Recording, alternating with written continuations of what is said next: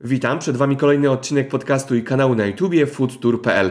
Zapraszam wspólnie z Anną Jadwigą Matelską na kulinarną podróż do kraju, w którym mało używa się przypraw. Jedzą tam hot dogi z dżemem ananasowym oraz czekoladę z serem. W tym podcaście dowiecie się, co to jest woda ognista i dlaczego króluje tam mąka kukurydziana. Zdradzimy też, jak założyć własną plantację kawy. Zapraszam więc do Kolumbii. To jest podcast i kanał na YouTube foodtour.pl. Zaprasza Kamil Nosel. Dzień dobry, witam Kolumbię. Cześć Aniu. Cześć, Ola, ¿qué tal? Pozdrawiam serdecznie. Aniu, czy na sam początek naszej rozmowy możesz nam zrobić smaka na jakiś przysmak z Kolumbii, którego nie dostaniemy zbyt łatwo w Polsce, żebyśmy tak na dzień dobry zaczęli Ci zazdrościć? No, myślę, że z um, takich rzeczy, których nie, ma, których nie ma w Polsce, no to przede wszystkim jest całe mnóstwo e, owoców, które, które są w Polsce niedostępne, więc wszystkie świeżo wyciskane soki, no powiedzmy, że może ananas, marakuja to jeszcze można dostać, ale na przykład takie owoce jak lulo czy guanabana, e, no to myślę, że są niedostępne, więc e, taki świeży soczek e, można sobie popijać to jest e, coś, na co fakt, dlaczego faktycznie warto, warto przylecieć do Ameryki Południowej. Okej, okay, zaczyna być smacznie. No to może zacznijmy od e, początku każdego dnia w Kolumbii. Co się jada u Was na okay. śniadanie? Co pysznego możesz nam zasugerować, zaproponować? No i jak już jesteśmy przy piciu, czyli przy soku, no to co do śniadania można wypić? Jasne. E, no więc tak. Nie tak dawno słuchałam swojego wywiadu podcastu, zdaje się, o Urugwaju. E, i byłam troszkę zdziwiona, bo w sumie niby ten sam kontynent, ale nawyki e, śniadaniowe, żywieniowe w ogóle zupełnie inne, ale zwłaszcza jeśli chodzi o to śniadanie. E, no bo tam pamiętam, że było takie malutkie, symboliczne, coś tam na słodko, jakieś krakersy. No to w Kolumbii totalnie, totalnie nie. W Kolumbii śniadanie to jest praktycznie taki posiłek, który mógłby w Polsce spokojnie robić za obiad. Przede wszystkim je się zupę na śniadanie i to jest taka taki rosół, ale taki esencjonalny rosół na jakichś flakach, albo to może być zupa rybna, albo jakaś wołowa, no, no taki mm, e, solidna, solidna, pożywna, bardzo treściwa zupa. E, do tego jajka w różnej formie, no mogą być smażone, sadzone, jajecznica, co kto lubi. E, do tego mamy mm, arepas, to są takie placuszki z mąki kukurydzianej, które też występują w różnych wersjach i właściwie do każdego dania można je dorzucić, bo czemu nie? E, jakieś pieczywo, no akurat pieczywo to raczej tutaj faktycznie jest słodkie, jakieś rogaliki. E, no i właściwie można powiedzieć, że to już może Kolumbijczykowi wystarczyć, żeby się najeść. To jest taka faktycznie porcja obfita. Do popicia, e, no to opcji jest kilka. Oczywiście kawa, tak, Kolumbia, Kolumbia jest krajem kawą płynącym, także kawka też z rana jak najbardziej. W tej kawie właśnie Kolumbijczycy sobie lubią ten chleb zamaczać, czy też to pieczywo, mm, co jest też dosyć ciekawym e, nawykiem. Jeśli nie kawa, no to może być agua panela, czyli to jest taki słodki napój na bazie trzciny cukrowej. I do tego właśnie soki, tak? Świeże soki też tutaj towarzyszą właściwie przy, przy każdym posiłku, są powszechnie dostępne i, i bardzo niedrogie. Niesamowite. To jeżeli zaczęliśmy już e, temat kawy, no to proszę opowiedz mi e, coś więcej na temat kawy, bo wiem, że ty ze swoim partnerem e, macie małą kawiarnię i urzędujecie w niej. I powiedz mi, jak się w Kolumbii pije kawę, jakie są nawyki, no i czy są jakieś kombinacje kawowe? Tak, no Kolumbia zdecydowanie jest krajem kawą płynącym i pachnącym. E, my też, ja bardzo mocno w tym temacie właśnie, właśnie siedzę, no bo mieszkamy właśnie w regionie, e, gdzie się kawę uprawia, e, w prowincji Tolima w górach. No i właśnie prowadzimy małą lokalną kawiarnię. Też jesteśmy na etapie rozkręcania własnej plantacji kawy, więc może też niebawem będziemy mieć własne, własne ziarna ale no już teraz jakby uczestniczymy w tym procesie zbierania i obróbki, tak, kawy od krzaczka do filiżanki. Jest to bardzo, e, bardzo fajne i ciekawe, bo tutaj w Kolumbii w większości ta kawa jest uprawiana właśnie na takich małych, rodzinnych plantacjach, e, więc faktycznie można mieć takie poczucie, że no po pierwsze jest to kawa z fajnego źródła, e, znanego, właściwie można nawet wiedzieć, z którego krzaczka dokładnie pochodzi, pochodzi ta kawa, którą się pije. E, przy czym no, przez wiele lat, właściwie nawet wieków, e, w Kolumbii tak naprawdę mimo wszystko nie piło się dobrej kawy, bo te najlepsze ziarna szły na eksport, jak to często w ogóle bywa właśnie w krajach, e, które, które zajmują się tym, tą działką biznesu. Najlepsze, kawy, najlepsze ziarna szły na eksport, tutaj dostawały takie odpadki, że tak powiem brzydko, no i piło się je w formie takiej czarnej, gęstej zawiesiny, którą oczywiście trzeba było na maksa dosładzać, żeby to się w ogóle dało pić. Nazywa się to tutaj tinto, od e, słowa hiszpańskiego tinta, czyli atrament, bo ta kawa właśnie była taka czarna jak atrament. E, no i co prawda teraz już troszkę to się poprawiło, to znaczy Kolumbijczycy już e, są bardziej chętni, żeby jednak trochę tej dobrej kawy też tutaj u siebie zostawiać i w ogóle też się bardziej interesują tematem picia dobrej kawy, metod parzenia i tak dalej. No ale cały czas zostało, że na czarną kawę się mówi tinto, więc no też jak tutaj ktoś, jak się przyjdzie do kawiarni, do restauracji, jak się poprosi o tinto, no to nie tak jak w Hiszpanii, że nam podadzą czerwone wino, tylko, tylko właśnie czarną kawkę, więc, więc warto mieć to na uwadze. Aniu, wspomniałaś, że zaczynacie ze swoim partnerem e, uprawiać kawę. E, co trzeba zrobić? Od czego trzeba zacząć? Jakie są początki? E, I czy my w Polsce, wiadomo, my w Polsce tej, tej kawy nie, raczej u siebie uprawiać nie będziemy, ale u Ciebie w Kolumbii, jakie są zasady i wymogi? Istotna jest tutaj wysokość nad poziomem morza, która generuje specyficzny mikroklimat. No i to jest, to jest też powód, dlaczego w Europie się prawie kawy nie uprawia, chyba poza Maderą, jakimiś tam e, terytoriami e, wyspiarskimi, e, bo jednak no, ta wysokość nad poziomem morza jest istotna. E, tutaj w Kolumbii mniej więcej od 1500 metrów wzwyż plantacje się zakłada. No mówi się, że tak najlepsza kawa to jest nawet troszkę wyżej, wysokość 1700, 1800 metrów nad poziomem morza. Właśnie w górach to tworzy taki idealny mikroklimat. Mm, więc e, to jest bardzo istotne, jeśli ktoś chciałby w ten biznes wejść, no to przede wszystkim znaleźć odpowiednio położony kawałek ziemi czyli, czyli właśnie na odpowiedniej wysokości, dobre ukształtowanie terenu.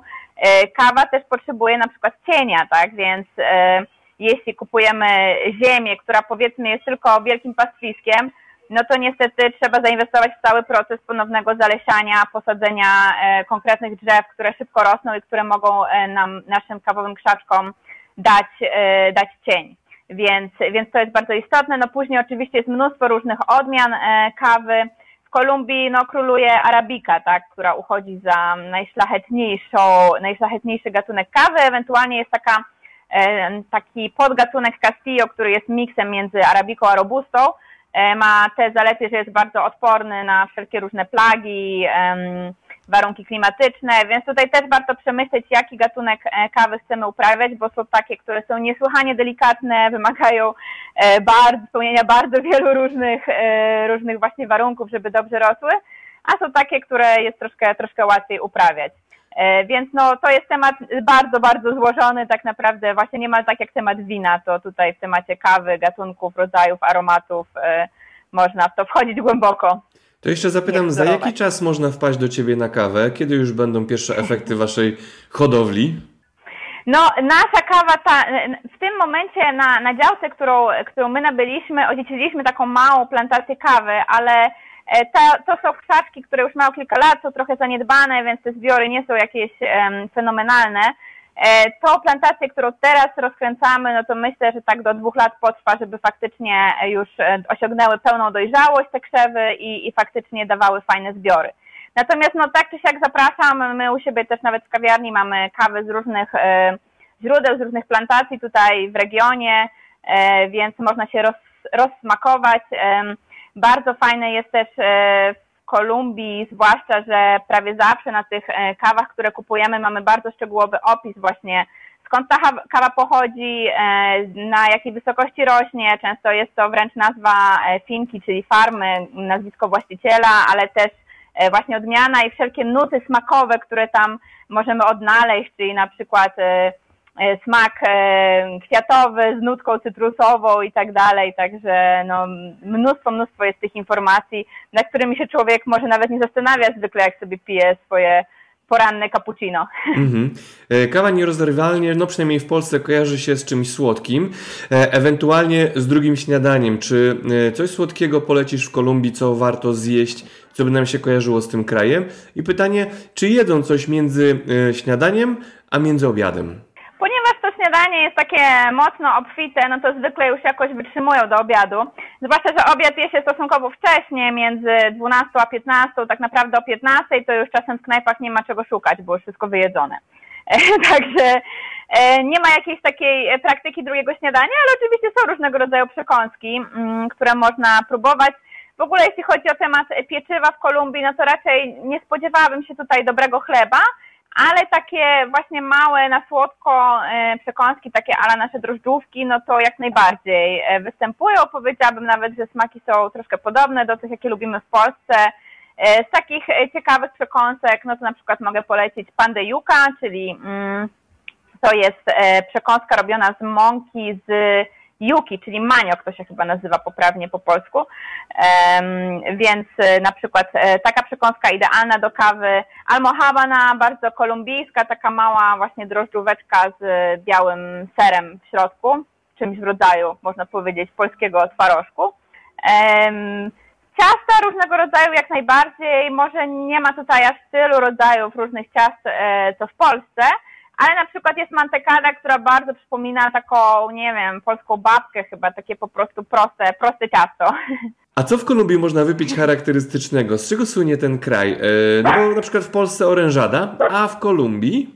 E, w Kolumbii jest też kilka różnych napoi niealkoholowych i alkoholowych oczywiście też, e, to pewnie jeszcze do tego tematu przejdziemy. No Kolumbijczycy bardzo lubią um, słodkie napoje, więc bardzo dużo tu się pije też właśnie takich wszelkich oranżat butelkowanych. No i tak jak na przykład w Peru mamy słynną Inca Colę, tak, żółty, żółty napój o smaku gumy do rzucia, e, no to w Kolumbii jest kolumbiana, też taka właśnie oranżada, która po prostu smakuje jakby była co najmniej radioaktywna.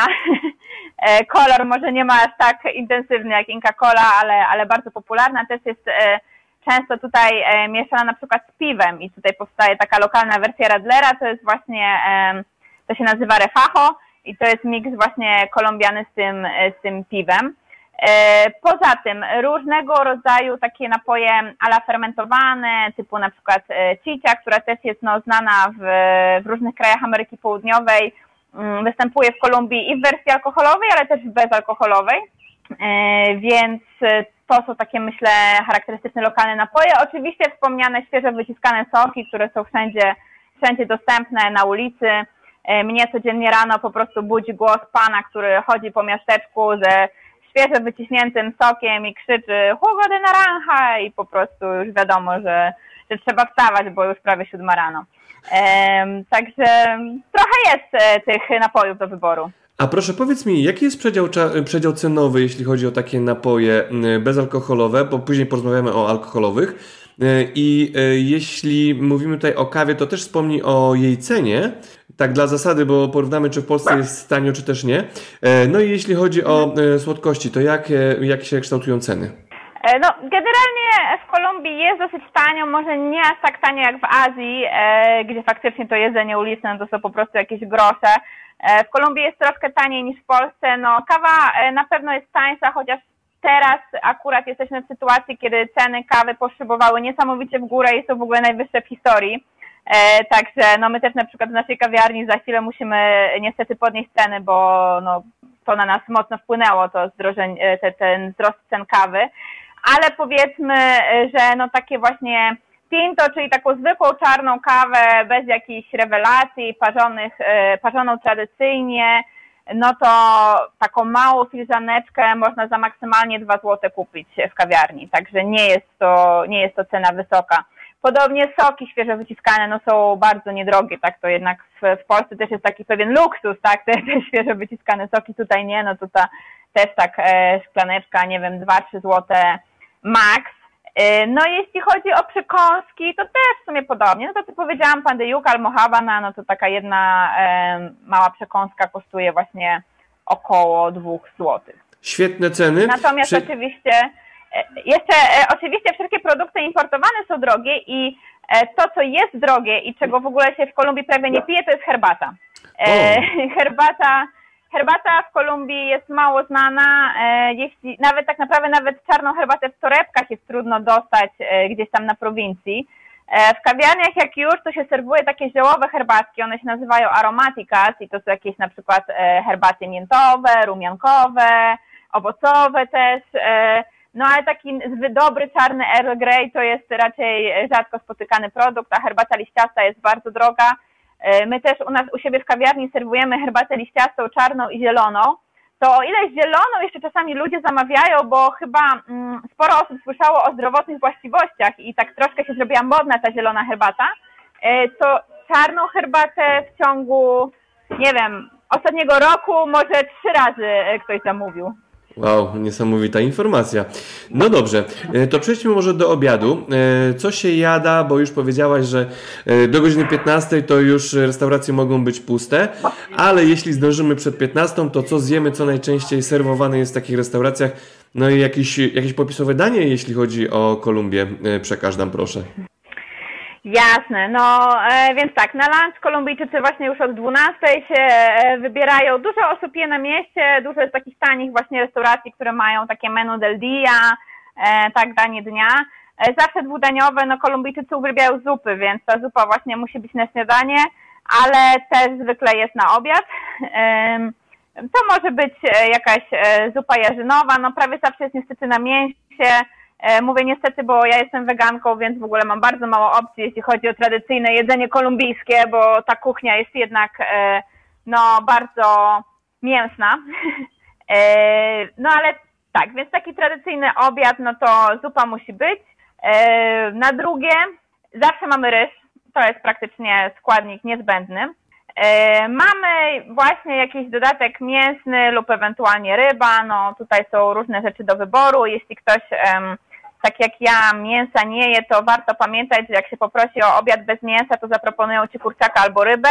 E, także trzeba być bardzo precyzyjnym, bo tutaj karne dotyczy tylko właściwie wołowiny i, i wieprzowiny, tak? E, do tego e, mamy na przykład e, dodatkowy element, którym, którym może być e, fasola, to może być e, cieciorka, różnego rodzaju strączki są w ogóle bardzo popularne.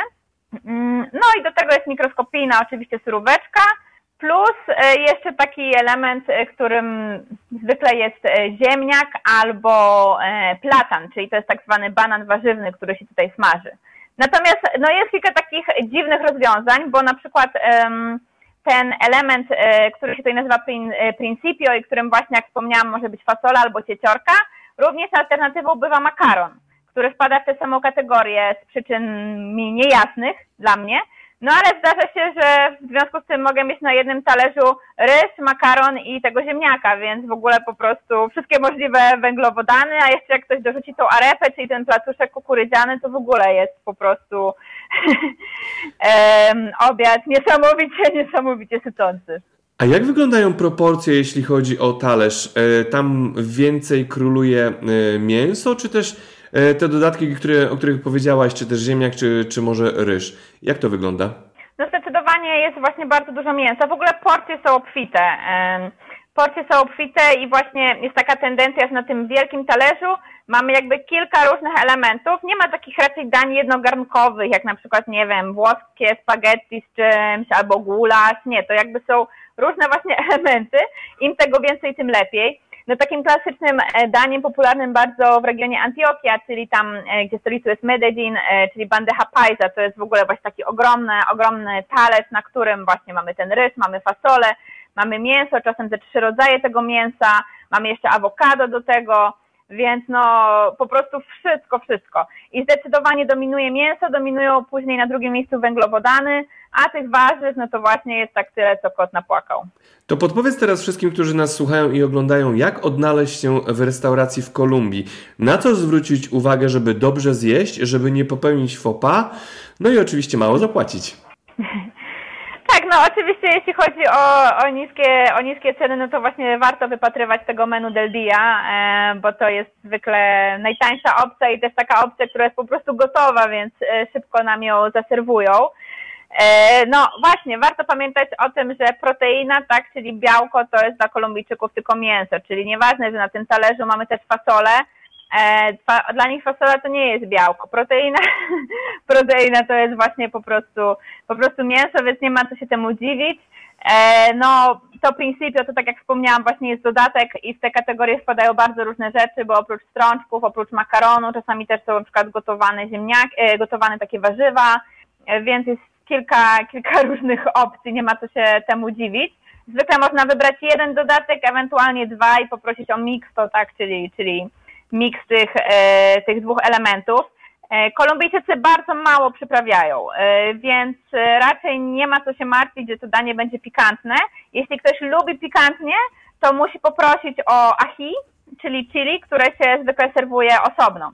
Ja osobiście bardzo lubię pikantne jedzenie, więc zawsze to chili biorę. Kolumbijczycy raczej dodają je tylko do zupy. Bardzo rzadko do tego dania drugiego, więc jeśli ktoś mimo wszystko chce sobie doprawić, no to, no to musi o to ají poprosić. Danie jest zwykle słone, więc solą już e, zwykle nie, nie trzeba nic tam dodawać, natomiast pieprzu właśnie się raczej nie stosuje, więc no jeśli ktoś lubi różne przyprawy, to chyba powinien chodzić z własnymi do restauracji. A czy są jakieś zasady, które powinniśmy poznać, będąc w Kolumbii i chcąc dobrze zjeść? Czyli na przykład idziemy do restauracji, gdzie jest najwięcej lokalsów, albo nie robimy danej rzeczy, bo to może e, źle zostać odebrane przez e, lokalsów. Czy są takie zasady, które warto poznać?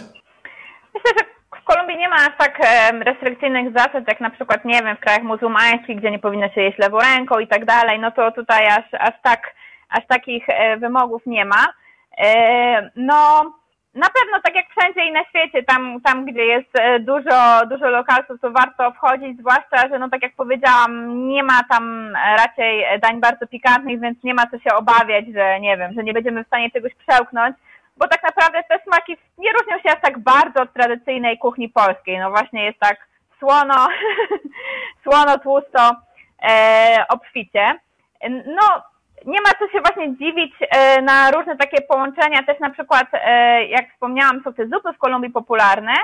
E, są też dwie zupy, o których warto powiedzieć, jak już jesteśmy w temacie obiadowym, to jest sancocho i achiaco, to są takie dwie powiedzmy klasyczne zupy królowe zup w Kolumbii, no i taka zupa sancocho, to ona wtedy już czasem zastępuje faktycznie też drugie danie, bo to jest taki, taka solidna micha, w tej zupie pływają różne rzeczy, ale właśnie do tego e, nam na talerzyku osobno zwykle przyniosą e, ryż, awokado, czasem coś tam jeszcze.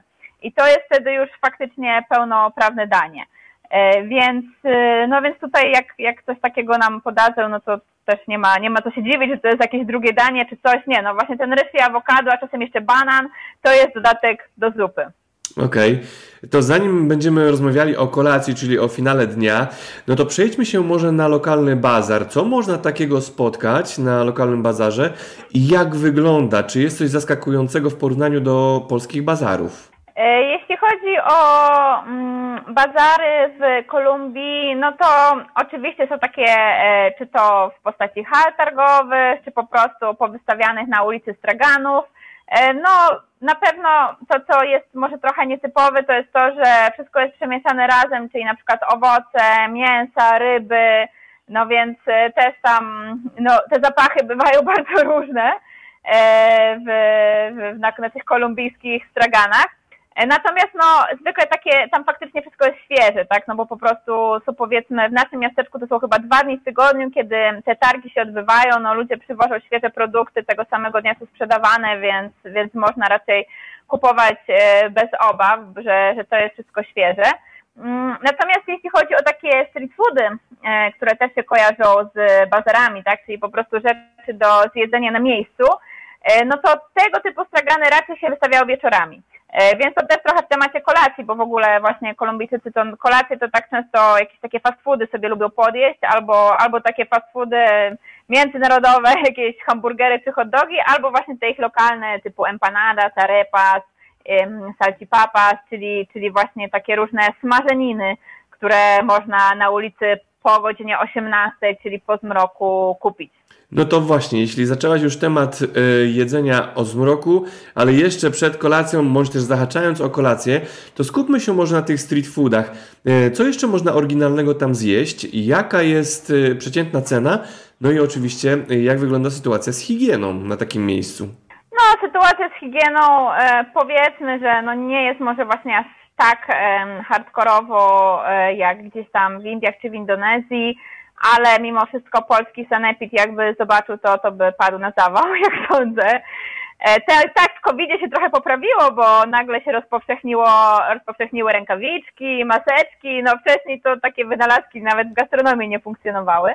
E, to, to może coś dobrego, co, co pandemia przyniosła, że w ogóle trochę zaczęto bardziej zwracać jednak na te e, zasady, zasady higieny.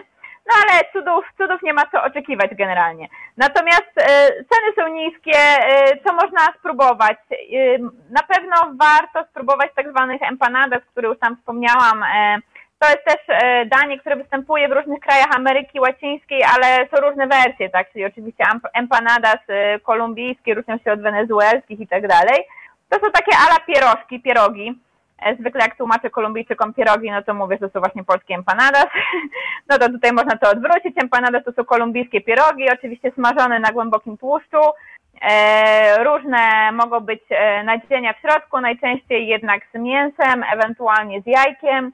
Zwykle to jest taki miks, jak to się mówi, odpadków z obiadu, czyli jakieś tam mięso, warzywa, nie wiadomo, wszystko zmiksowane, usmażone, da się zjeść. Do tego dadzą nam to ahi, czyli te, to chili, sosik chili, w którym sobie to można zamaczać i od razu wszystko smakuje lepiej.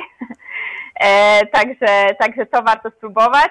E, no i właśnie te arepas, czyli placówki kukurydziane, jeśli ktoś pamięta ze śniadania, że to były takie zwykłe białe krążki, no to się może zdziwić, bo arepas e, na wieczorem czy na straganach wyglądał zupełnie inaczej. Tam to są takie duże arepas i one są napchane serem w środku, czasami też właśnie mogą być jajkiem, więc tak naprawdę jak dla mnie to zupełnie inna potrawa, ale nazywa się tak samo. E, więc, więc to, e, więc tak, więc, więc to też myślę, że warto spróbować. E, no, modyfikacja frytek, tak, czyli fast foodu znanego na całym świecie. Tutaj w Kolumbii najczęściej w wersji salchipapas, czyli oprócz frytek mamy właśnie smażone kawałki kiełbasy. No tak jak wspomniałam, to mięso jest dorzucane wszędzie, wszędzie. Smażone, smażone kawałki kiełbasy są czymś doprawiane, bo to mnie zaintrygowało. Czy mo można to porównać do wursta w Niemczech? Wiesz co, w sumie chyba można, tylko ten wurst jest pokrajany na krążki i właśnie usmażony razem z frytkami. Ehm, tak, jest to, jest to zmiksowane, ale w sumie to jest, znaczy, no właśnie, ja jak przyjechałam do Kolumbii, to już nie jadłam mięsa, więc nie próbowałam tej kiełbasy, ale faktycznie ona e, kojarzy mi się z takim, myślę, niemieckim wurstem, więc myślę, że to może być coś, coś e, troszkę podobnego. Okej, okay. E, czyli wszystko to, co teraz powiedziałaś, można też podciągnąć pod kolację, więc tak naprawdę kolację zaliczyliśmy. No chyba, że coś jeszcze dorzucamy do kolacji, co warto zjeść. E, no właśnie, Kolumbijczycy jakoś tak e, na to kolację się aż tak nie rozwodzą, chyba, że to jest kolacja z okazji jakichś świąt, tak? Na przykład e, Boże Narodzenie obchodzi się jedząc e, obfitą kolację o północy, podobnie w Sylwestra, więc jeśli to są jakieś właśnie takie dni świąteczne, no to faktycznie ta kolacja to jest właściwie drugi obiad albo i podwójny obiad, e, bo, bo dużo się tam tego nagotowuje, to tak jak chyba wszędzie zresztą na świecie. Ale tak w dzień poprzedni e, to nie ma jakichś takich wielkich rytuałów związanych z kolacją czy typowych potraw, no bardzo często to są właśnie mm, takie fast foody, ewentualnie właśnie powiedzmy fast foody znane na całym świecie, ale z takim kolumbijskim dodatkiem, czy też po kolumbijsku przygotowywane. E, Kolumbijczycy bardzo lubią e, mieszać smaki słodkie i słone. Więc e, na przykład hot dogi bardzo często je się tutaj z takim sosem ananasowym, właściwie to jest taki dżem ananasowy. Także jak się gdzieś tam ktoś będzie zamawiał hot dogi i wybierał sosy, to żeby uważał, bo to żółte to niekoniecznie jest musztarda, więc można się zdziwić. No a w temacie E, łączenia smaków, to jeszcze jeden napój, o którym nie wspomniałam, który może też e, być e, i do śniadania, i ewentualnie właśnie tak po południu między obiadem a kolacją, no to jest gorąca czekolada, czy właściwie bardziej kakao, bo to raczej przypomina nasze kakao niż taką belgijską gęstą czekoladę, do której wrzuca się kawałki żółtego sera. I ten ser się tak rozpuszcza i później się go wyławia, jak już tak się ciągnie jak na pizzy i, i konsumuje. Również można jeść, można pić to agua de panela, czyli napój na bazie trzciny cukrowej, też właśnie z serem, no on też jest słodki, więc również jest to takie połączenie troszkę nietypowe. Bardzo nietypowe jak dla mnie i dla moich kubków smakowych, no ale okej, okay, warto pojechać i warto spróbować. E, to jeszcze mam pytanie odnośnie um, kolacji. E, czy kolacja jest jedzona rodzinnie, czy każdy sobie jada? Kolacji zwykle właśnie się nie jest tak rodzinnie, chyba że to są właśnie e, te dni świąteczne. No to wtedy faktycznie ta kolacja jest takim wydarzeniem. Myślę, że to też oczywiście może się różnić w zależności od miejsca duże miasto to też trochę inny styl życia. Ja akurat mieszkam na prowincji, e, w małym miasteczku, gdzie no jakby mnóstwo ludzi pracuje po prostu prowadząc małe lokalne biznesy, tak? I te biznesy są otwarte do późna, e, typu czy to sklepy, czy kawiarnie, więc no trudno też się spotkać tak naprawdę na rodzinną kolację, e, więc często ta kolacja jest tak jedzona trochę gdzieś tam w pośpiechu i, i w biegu. To pomówmy sobie teraz o alkoholach w Kolumbii. Jakie można spotkać, z jakiego alkoholu e, Kolumbia słynie, no i na co powinniśmy uważać, jeśli będziemy w Kolumbii i przez przypadek wpadnie nam e, w ręce jakaś oryginalna butelka, czyli e, uwaga tutaj na zawartość alkoholu w alkoholu. I oczywiście jaka jest kultura picia, bo to jest też istotne, jeśli my Polacy mielibyśmy przyjechać do Kolumbii. Tak, no kultura picia myślę, że się Polakom może spodobać, bo Kolumbijczycy piją całkiem sporo. E, jeśli chodzi o mocne alkohole, to można powiedzieć, że są dwa królujące i to właśnie zależy od regionu. Więc na wybrzeżu, no to jest przede wszystkim rum. E, rum, który, no Kolumbia jest jednym z krajów produkujących dobry rum razem z Kubą, Dominikaną i tak dalej. No może rum kolumbijski nie jest aż tak sławny w świecie i aż tak wybitny, ale moim zdaniem jest całkiem niezły i e, niedrogo dostępny, tak, bo, bo tak naprawdę w cenie polskiej wódki w Polsce tutaj można kupić butelkę rumu całkiem przyzwoitego w supermarkecie. E, rum oczywiście może być pity na różne sposoby, no albo e, solo z lodem, ewentualnie w jakichś drinkach typu Cuba Libre, Mojito i tak dalej. No oczywiście cena rumu zawsze zależy od jego wieku.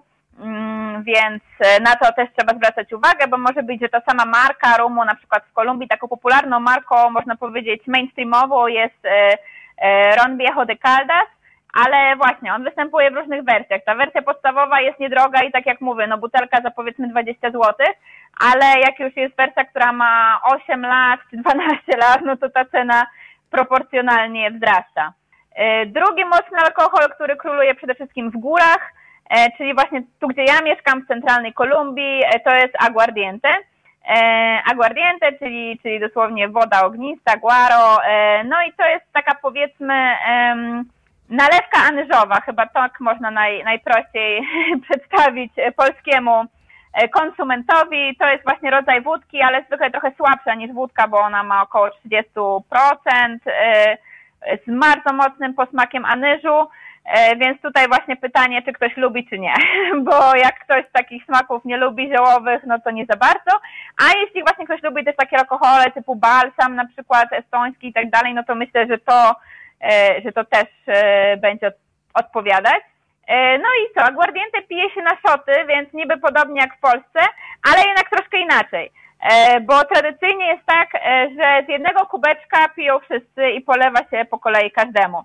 No i tutaj znów e, pandemia uniemożliwiła to.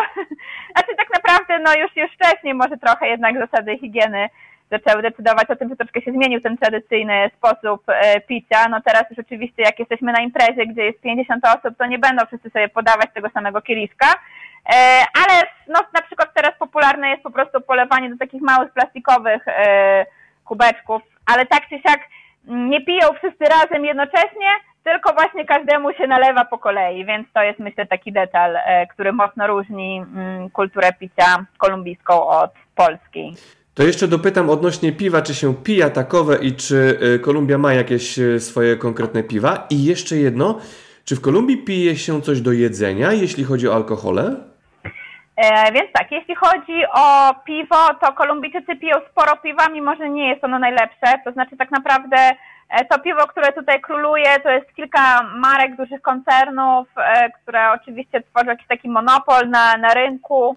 E, no i to piwo to jest taki, no dla mnie taki trochę sikacz, ale jest bardzo popularne i tak jak na przykład w małych miasteczkach, e, tam gdzie ja mieszkam, zwłaszcza w weekendy, no to czasami już od rana e, panowie siedzą przed sklepikami, e, bo w małych pueblach w Kolumbii popularna jest taka koncepcja mm, lokalu łączącego sklepik spożywczy i minibar, czyli mamy sklepik, przed tym dwa stoliki czy trzy, no i ludzie sobie tam siedzą powiedzmy od dziewiątej rano i już widzę przed nimi z pięć butelek Agila zaliczonych, także, także sporo tego piwa się pije. Natomiast tak naprawdę jeśli chodzi o takie mm, lepsze piwa rzemieślnicze, to ta moda dopiero niedawno do Kolumbii przyszła. Już troszkę, troszkę zaczęła się rozwijać, bo już powstało kilka marek lepszych piw. E, z Bogoty znana jest marka BBC, która właściwie już teraz jest stała taka mainstreamowa, że w całym prawie kraju można w supermarkecie ją dostać. To są faktycznie troszkę lepsze piwa.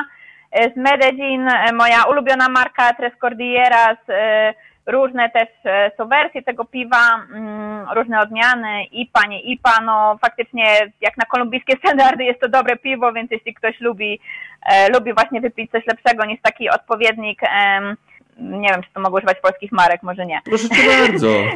tak, no nie wiem, jakiegoś tam królewskiego czy specjala, no to jeśli ktoś jednak chce coś trochę lepszego, no to, no to właśnie polecam to mm, Tres Cordilleras.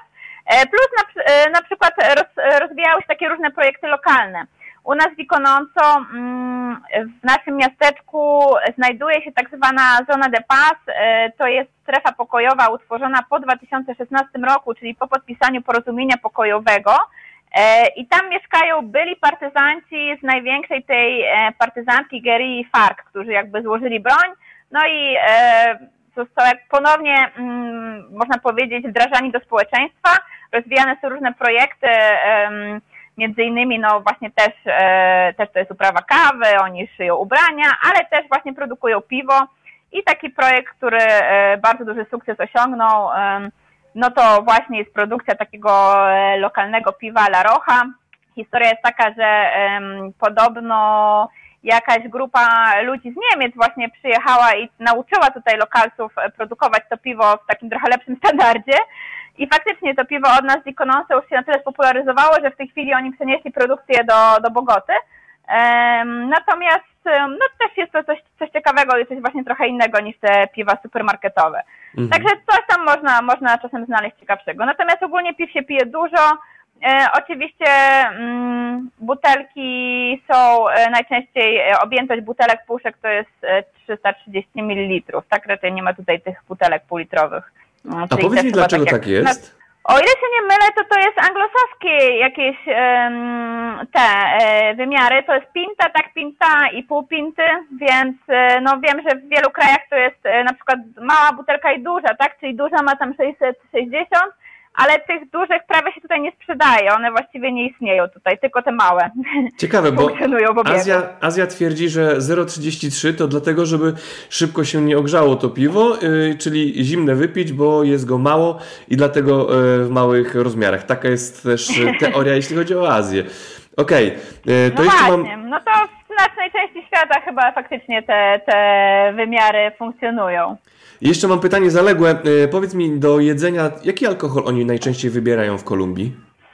No właśnie, do jedzenia, tak się zastanawiam, chyba faktycznie, e, jeśli już się pije do jedzenia, no to albo to piwo, albo jest też takie wino mm, tutaj, które można porównać do takiego polskiego jabola, powiedziałabym. To jest wino, które no też się kupuje w jakimś kartonie czy plastikowej butelce. E, są różne smaki, one jest produkowane lokalnie i one jest właśnie bardzo popularne też w sezonie świątecznym i serwowane do jedzenia.